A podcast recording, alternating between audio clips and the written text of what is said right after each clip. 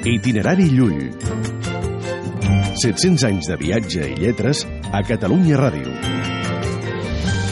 Ficar el dit al foc.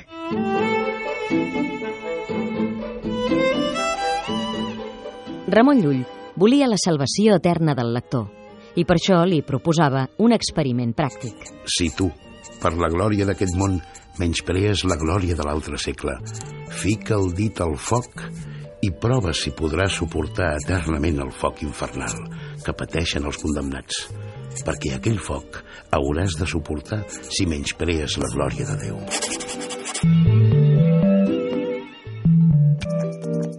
Itinerari Llull.